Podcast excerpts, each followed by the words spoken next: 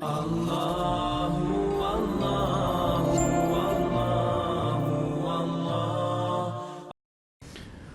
adalah ibadah yang sangat mulia. Dan haji ini awal disyariatkan adalah di zaman Ibrahim dan Ismail alaihissalam. Dan banyak kejadian dari rumah tangga, kejadian rumah uh, keluarga Nabi Ibrahim alaihissalam ini yang dijadikan sebagai bagian daripada haji. Seperti kasus Hajar alaihissalam, istri Nabi Ibrahim alaihissalam. Kita tahu Nabi Ibrahim punya dua orang istri, Sarah dan Hajar. Sarah menikah dengan Ibrahim alaihissalam sampai umur 60 tahun tidak punya anak. Tapi Sarah ini tentu yang teman-teman ikuti di materi sirah saya sudah tahu, tapi yang belum ikut saya sampaikan. Sarah ini menikah dengan Nabi Ibrahim alaihissalam dan Sarah memiliki kecantikan yang luar biasa secara fisik, begitu pula dengan akhlaknya. Sesuai dengan Ibrahim alaihissalam juga yang sempurna karena Ibrahim alaihissalam sangat menyerupai Nabi sallallahu alaihi wasallam secara fisik dan Nabi sudah pernah saya gambarkan bagaimana gagahnya beliau secara fisik dan juga akhlak yang sempurna. Ringkas cerita suatu hari pernah Ibrahim alaihissalam membawa Sarah ke Mesir dan di Mesir waktu itu ada raja zalim suka ngambil istrinya orang. Pokoknya semua perempuan yang berstatus istri pasti diribut sama dia kalau dia suka secara fisik. Karena dia anggap tidak mungkin perempuan ini dinikahi oleh suaminya kecuali punya kelebihan, penyakit jiwa. Tapi begitulah terjadi pada Raja Mesir pada saat itu ya. Masuklah Ibrahim alaihissalam dengan istrinya Sarah ke Mesir dan Ibrahim sudah berkata kepada Sarah, kalau kita masuk di Mesir nanti dan ada pengawal-pengawal raja zalim ini yang akan menangkap kamu, kalau kamu ditanya siapa saya, katakan saya saudaramu. Dan kalau saya ditanya, saya juga akan mengatakan kau saudariku. Maksudnya seiman. Ya. Bukan berarti saudara sebenarnya, tapi suami istri. Maka sampailah mereka di Mesir sepakat dengan poin itu ternyata prajurit-prajurit Mesir, Raja Mesir ini ada memang khusus untuk mencari wanita-wanita yang jadi incaran si Raja Zalimin. Ketemu dengan Sarah, begitu mulai kecantikan Sarah sudah tidak berpengaruh lagi, dikatakan ini saudara saya, tidak percaya, pokoknya tetap kamu akan dibawa. Ringkas cerita dibawalah Sarah kepada Raja Mesir, begitu masuk depan Raja Mesir di istananya dengan lihat kecantikan yang luar biasa, tidak bisa sabar dia ingin menjamah Sarah. Waktu dia ingin menjamah Sarah, tiba-tiba tangannya stroke karena Sarah berdoa kepada Allah Azza Jal agar dihilangkan dari keburukannya raja ini. Dia kaget, dia bilang apa yang kamu lakukan? Kenapa tangan saya tiba-tiba begini? Kata Sarah saya minta kepada Tuhan saya untuk menghukummu karena kau ingin menjamaku dan kau bukan suamiku. Maka dia pun berkata, berdoalah sama Tuhanmu agar stroke saya, penyakit saya ini hilang dan saya tidak akan ganggu kamu. Sarah pun berdoa kepada Allah, sembuh.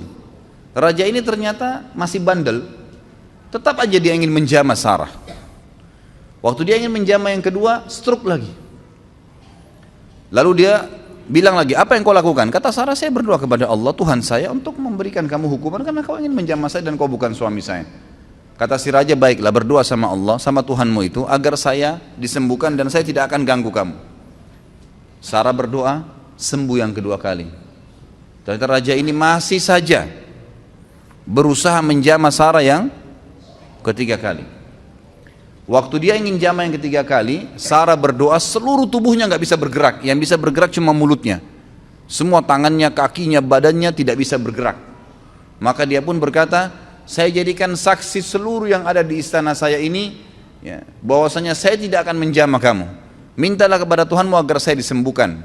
Maka Sarah pun berdoa dan akhirnya disembuhkan dan raja ini berkata, keluarkan wanita ini dari istanaku yang kalian datangkan bukan manusia tapi jin. Kisahnya begitu. Si Raja Mesir ini ternyata karena takut, ikhwan dan khawat sekalian, khawatir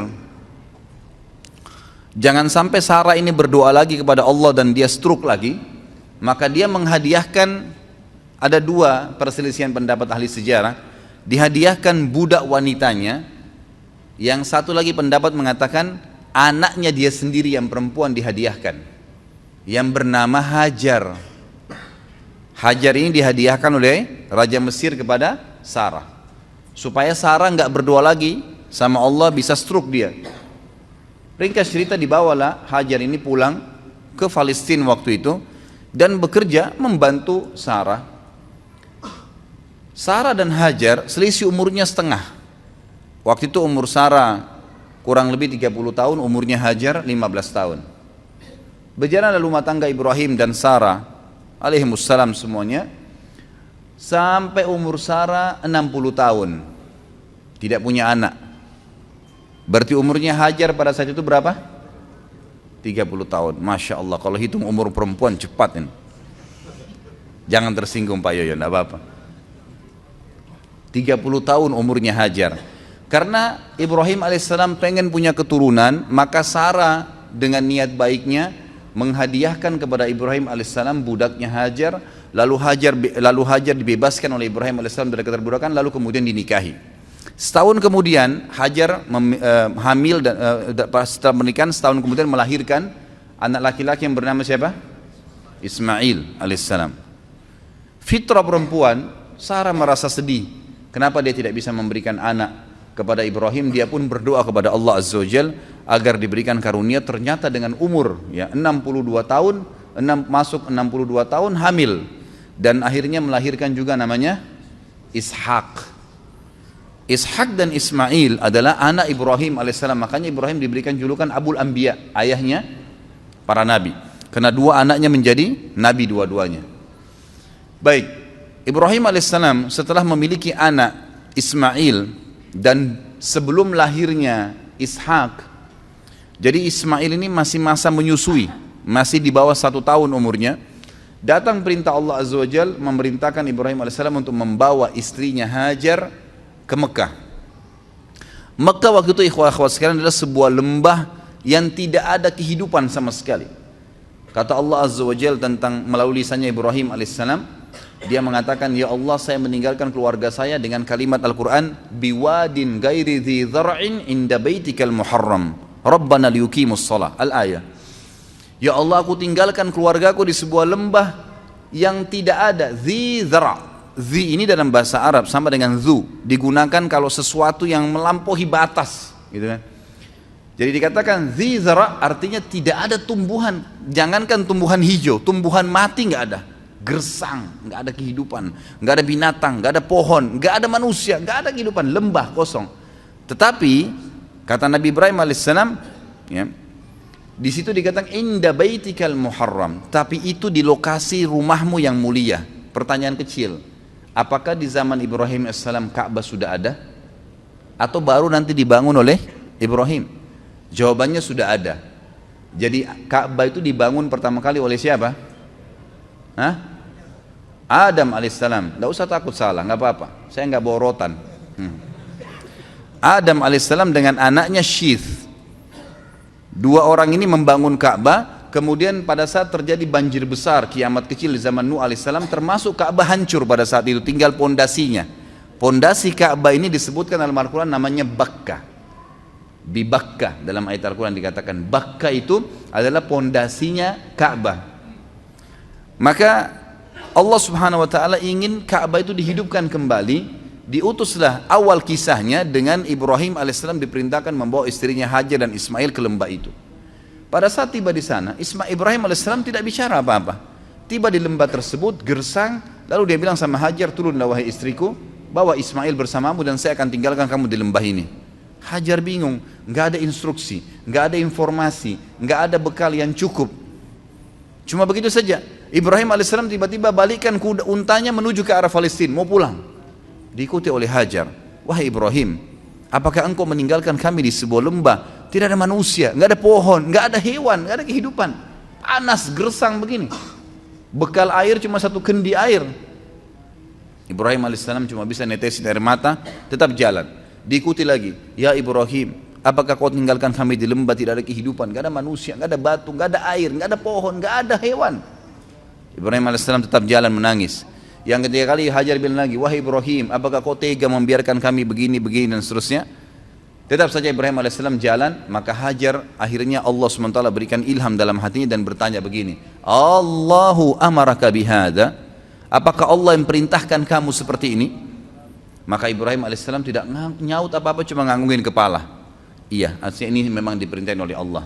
Maka jawaban Hajar dengan sangat jelas dan perhatikan ya, seseorang kalau sudah datang perintah Allah Azza wa dan dia terima perhatikan nanti apa efeknya apa yang Allah kasih pada saat datang sebuah ilmu dalil wahyu Al-Quran dan sunnah lalu diamalkan perhatikan apa yang Allah kasih nanti dari banyak sekali pahala yang dia akan panen Maka dia mengatakan idzan layyudayyi'ana. Kalau begitu tidak mungkin Allah itu membiarkan kami mati. Udah pergi aja Ibrahim nggak apa-apa. Ibrahim alaihissalam pun pulang ke Palestina. Di tengah jalan dia berdoa. Rabbi inni askantu min dzurriyyati biwadin ghairi inda baitikal muharram rabbana liyuqimus shalah. Fajal afidatan minan nasi tahwi ilaihim. Jadi dikatakan di sini, ya Allah, aku telah meninggalkan keluargaku di sebuah lembah, tidak ada kehidupan, tidak ada pohon, tidak ada air, tidak ada manusia, tidak ada hewan. Tapi di tempatmu, tempat rumahmu yang mulia Allah, agar dia mendirikan sholat sebagai kamu, sebagaimana engkau telah perintahkan ya Allah. Gitu kan? Maka tolong utuslah kepada mereka orang-orang yang bisa tinggal mendampingi mereka. Karena perintah Allah kepada Ibrahim alaihissalam, tinggalkan istrimu di sana Hajar sama Ismail, pulang ke Palestina. Enggak ada tugasmu tinggal di Mekah. Maka dia berdoa seperti itu. Kita kembali ke Hajar alaihissalam. Hajar waktu itu merasa prihatin setelah Ibrahim alaihissalam sudah tidak kelihatan lagi di jauh padang pasir sana. Teriknya matahari di siang hari luar biasa panas. Air yang diminum tinggal sedikit. Ismail juga butuh minuman. Hajar merasa sebelum malam tiba kesempatan. Coba cari sesuatu di situ. Ada kehidupan ada pohon ada manusia kah? Ada kemah kah? Manusia hidup di di mana kelihatan? Yang paling dekat dengan Hajar waktu itu ada dua bukit namanya Safa dan Marwa. Maka dia pun eh, alaihissalam Hajar naik ke atas bukit Safa. Kita tahu kalau panas matahari yang sangat terik, ada fata morgana. Ada kesannya kayak kelihatan air padahal sebenarnya tidak karena pantulan dari cahaya matahari. Dia naik di Safa, dia lihat ke Gunung Marwah, ada air di sana.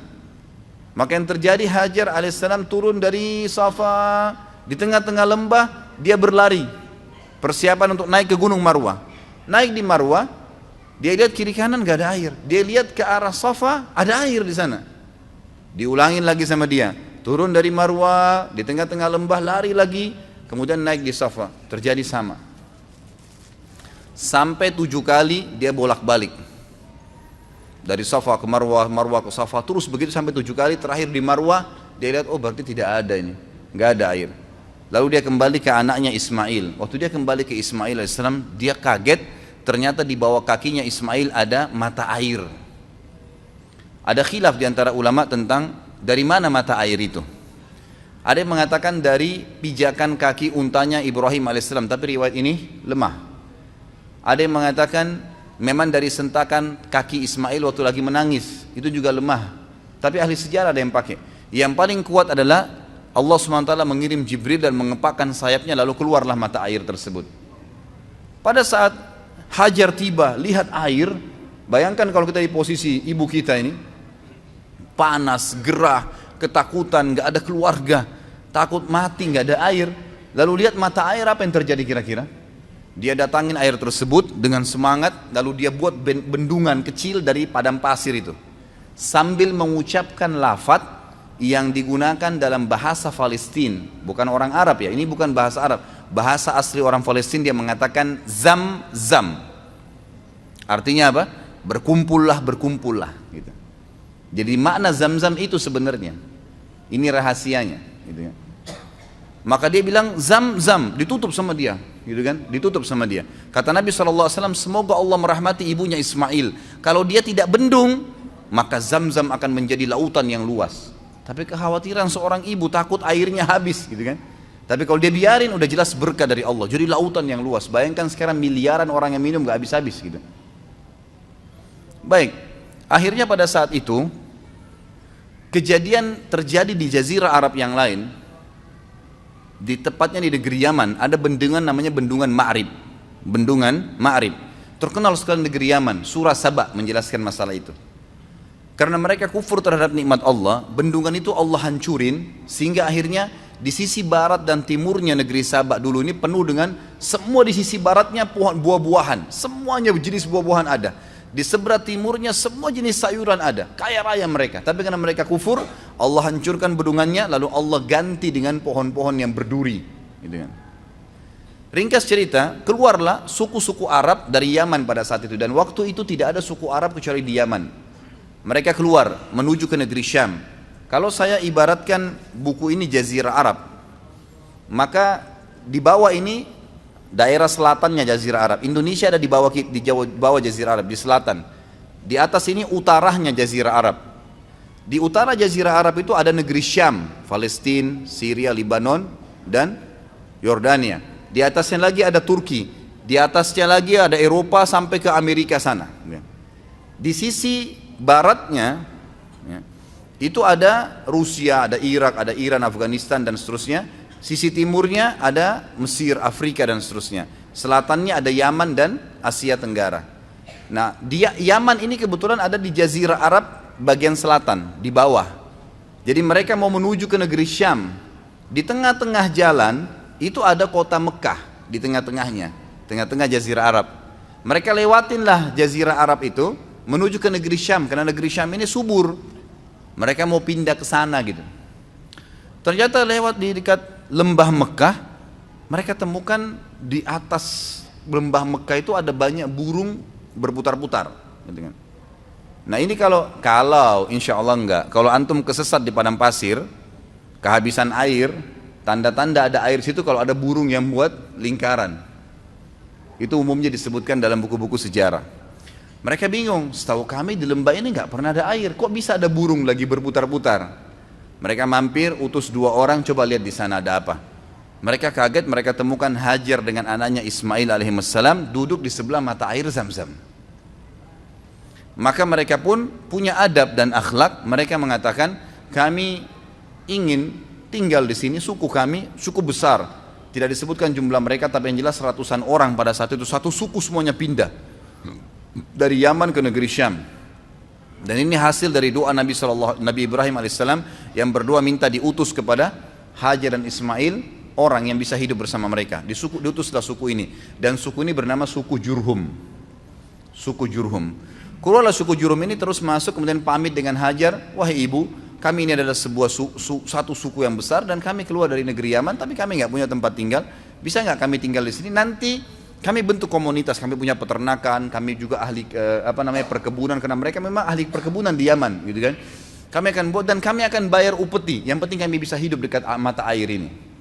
Kata Hajar baiklah, maka spontan pada saat itu terbentuk komunitas kota Mekah ada mata air, kemudian ada penduduk yang tiba-tiba langsung dengan suku yang besar, mereka membangun rumah, mereka sudah bawa peternakan, unta, sapi, kambing dibawa dari kampungnya Yaman, terus mereka juga sudah mahir bercocok tanam. Mereka mulai menanam-nanami wilayah Mekah itu. Ringkas cerita, menjadi rapilah Mekah itu, mulai ada penghuni. Pada saat itu, Ismail alaihissalam tumbuh besar di tengah-tengah suku Jurhum. Perlu Bapak Ibu tahu, istilah Arab sendiri, Arab itu ada dua macam. Ada namanya Arab asli, ada Arab musta'ribah. Arab asli ini adalah turunan orang Arab yang asli. Dan Arab musta'ribah adalah orang Arab, orang yang bukan Arab terarabkan karena pernikahan atau menggunakan bahasanya. Seperti kasus sekarang Mesir. Mesir itu suku Kipti. Bukan orang Arab mereka. Irak, bukan orang Arab. Negeri Syam, Yordania, Palestina, itu bukan orang Arab mereka. Sudan, Jazair, Tunis, Maroko, Afrika Utara. Semua itu bukan orang-orang Arab mereka, suku barbar. Tapi mereka dikatakan negara Arab. Kenapa? Karena menjadikan bahasa Arab sebagai bahasa negaranya. Dan pada saat ekspansi Islam di zaman Umar bin Khattab, zaman Uthman bin Affan, mereka menikah dengan orang-orang Arab dari tabi'in, dari sahabat yang bergabung sama mereka, maka dikatakan mereka orang-orang Arab. Ismail alaihissalam bukan orang Arab. Karena beliau dari Ibrahim, Ibrahim alaihissalam orang asli suku Babilonia dari Irak. Ya, itu. Orang asli Irak, asli orang Irak namanya suku Babilonia. Maka mereka eh, Ismail berbaur sampai besar dan menikah dengan anak kepala suku Jurhum. Setelah menikah, tapi tidak disebutkan di sini prediksi umurnya Ismail alaihissalam karena ini kisah yang cukup panjang. Saya ringkaskan melihat waktunya. Maka datanglah Ibrahim alaihissalam diperintahkan oleh Allah SWT untuk mengunjungi Mekah. Beliau datang mengunjungi istrinya, tapi pada saat itu yang saya dapat dalam buku sejarah adalah setelah Ibrahim, setelah Ismail menikah dengan anak kepala suku Jurhum. Datang dan Ismail ini sangat gemar alaihissalam berburu, sangat gemar berburu. Maka uh, dia pun lagi keluar berburu, Ibrahim datang ke rumahnya lalu bertanya pada istri dari belakang pintu, di mana suamimu? Dikatakan lagi pergi berburu. Berapa lama kira-kira biasa dia berburu? Ya sekitar sebulan baru kembali. Sering kali pergi berburu sebulan baru kembali. Kemudian kata Ibrahim, bagaimana kehidupan kalian? Istrinya mengeluh, hidup kami susah, hidup kami nggak enak, hidup kami gini. Tidak pernah lisannya mengatakan Alhamdulillah. Tidak pernah ada pujian Allah. Maka kata Ibrahim, kalau suamimu kembali titip pesan bahwasanya ada seseorang yang bernama Ibrahim mencari dia dan suruh dia mengganti tiang pintu rumahnya. Pulanglah Ibrahim alaihissalam setelah ketemu Hajar beberapa hari lalu kembali lagi ke Palestina. Ismail alaihissalam kembali, Ismail tentu sudah tahu tentang siapa Ibrahim ayahnya, sudah tahu kisahnya dari ibunya Hajar, tapi belum pernah ketemu. Sampai saat itu belum pernah ketemu. Lalu kemudian Ismail pulang ke rumahnya tanya istrinya, siapa yang datang? Oh ada tamu namanya Ibrahim, apa yang dia bilang? Dia tanya masalah-masalah kita di sini, lalu saya menyampaikan keluhan-keluhan kita semuanya, keadaan kita di sini. Lalu apa jawab apa apa pesan dia? Dia katakan gantilah tiang pintu rumahmu. Kata Ismail itu ayah saya Ibrahim, dia seorang nabi dan dia memerintahkan saya untuk menceraikanmu, maka saya akan antar ke rumahmu. Diceraikanlah istrinya yang pertama. Jadi ini bahasa Ibrahim alaihissalam yang sangat santun agar mengganti istri anaknya. Beberapa bulan kemudian datang lagi Ibrahim alaihissalam, tidak disebutkan juga pasnya berapa bulan, tapi beberapa bulan dalam buku-buku sejarah.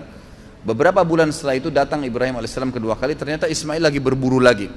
Kemudian dia datang ternyata Ismail sudah menikah dengan anak suku Jurum yang lain. Lalu Ibrahim bertanya, bagaimana kabar kamu di mana Ismail? Dia bilang suami saya lagi berburu. Bagaimana kehidupan kalian? Istri yang kedua ini semuanya pujian kepada Allah. Alhamdulillah hidup kami cukup, Alhamdulillah kami bahagia, Alhamdulillah begini. Selalu muji Allah. Maka kata Ibrahim alaihissalam kalau suami kau kembali katakan ada tamunya datang bernama Ibrahim dan sampaikan agar dia mempertahankan tiang pintu rumahnya. Maka Ibrahim alaihissalam pun tidak pulang ke Palestina, tinggal sama istrinya sampai anaknya Ismail pulang. Lalu bertemulah mereka. Tentu pada saat Ismail pulang ke rumahnya dulu, dia belum ke rumah ibunya. Lalu dia tanya istrinya, siapa yang datang? Dia katakan ada satu orang nama Ibrahim. Apa pesannya? Dia suruh pertahankan tiang pintu rumahnya. Tiang pintu rumahmu. Kata Ismail, itu ayah saya Ibrahim, dia seorang nabi dan dia menyuruh saya mempertahankan rumah tangga denganmu. Ringkas cerita Ismail ketemulah dengan Ibrahim alaihissalam. Lalu mereka berpelukan, Seterusnya, setelah itu Ibrahim alaihissalam tidak kembali ke Palestina. Ada perintah Allah Azza wa Jalla yang diperintahkan kepada Ismail Ibrahim alaihissalam. Baru berapa hari saja ketemu dengan anaknya Ismail, perintah yang luar biasa pada saat itu adalah disuruh Ibrahim menyembeli anaknya Ismail. Baru berapa hari ketemu anaknya sudah disuruh sembeli. Dan yang luar biasanya perintah ini hanya datang dalam bentuk mimpi saja. Dan perlu kita tahu Para nabi-nabi kalau mimpi itu semua berita benar. Dia mimpi menyembelih anaknya. Lalu Ibrahim alaihissalam dalam surah Anbiya, dalam surah Ibrahim diceritakan, dia berkata kepada Ismail, ya, berkata kepada Ismail, bahwasanya saya melihat dalam mimpi saya, saya menyembelih kamu, bagaimana pendapatmu? Ini arafi manami anni adbahuk, fandur madza tara. Maka Ismail menjawab dengan sangat santun, sangat baik, ya. Ya abatif al ma satajiduni insyaallah minas sabirin. Wahai ayahku lakukanlah apa yang sebenarnya kau diperintahkan dan kau akan dapat. Saya termasuk orang-orang yang sabar. Akhirnya Ibrahim dan Ismail AS sepakat ayo dah kita jalani apa perintah Allah. Dua-duanya pergi sampai ke wilayah Mina. Kalau sekarang itu tepatnya lewat lempar jumroh ini, untuk melempar jumroh pada saat itu datanglah Ismail dan Ibrahim alaihissalam di tiga titik di dekat gunung Mina yang sudah diperintahkan oleh Allah dalam mimpi untuk disembeli anaknya Ismail. Dia melihat syaitan datang mencoba mengganggunya lalu Ibrahim alaihissalam melempari tujuh kerikil kecil ke arah syaitan tersebut sambil membaca Bismillahirrahmanirrahim. Di titik satu syaitannya pergi, di titik dua kemudian dia datang lagi, dilempar lagi, titik tiga juga begitu. Akhirnya setelah tiga kali dilempar tidak datang lagi syaitannya. Kemudian sampai di tempat sembelihan kata Allah Subhanahu wa taala falamma tallahu lil jabin pada saat Ibrahim sudah meletakkan leher anaknya, pedangnya sudah diangkat dan sudah diayunkan, dua-duanya sudah pasrah. Ismail sudah pasrah, Ibrahim alaihissalam sudah pasrah, jadi tidak setengah-setengah. Dan ini kita perlu juga ambil pelajaran di sini ikhwah akhwat sekalian.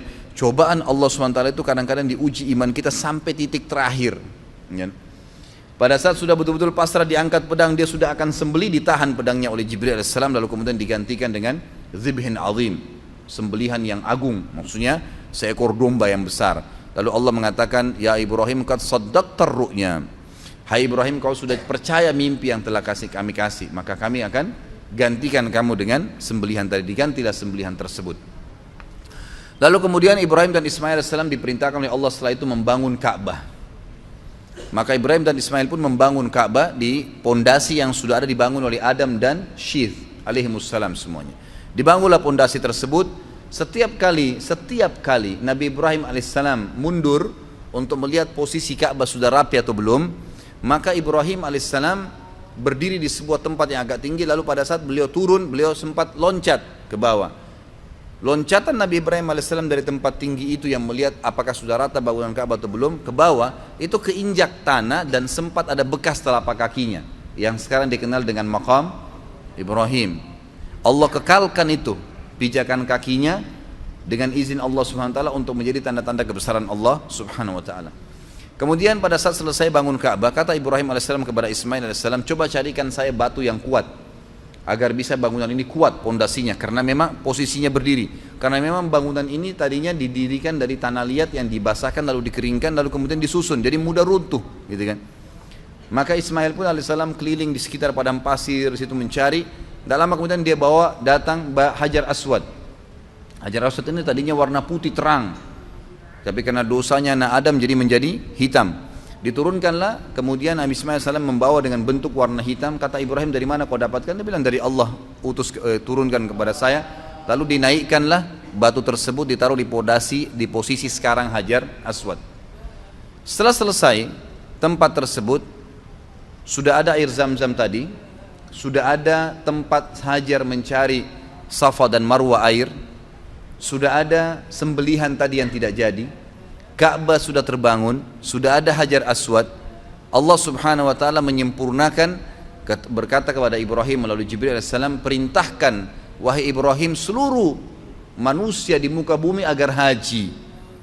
Dalam riwayat sahih kata Ibrahim alaihissalam, "Wa ma sauti?" Sampai di mana suaraku ya Allah?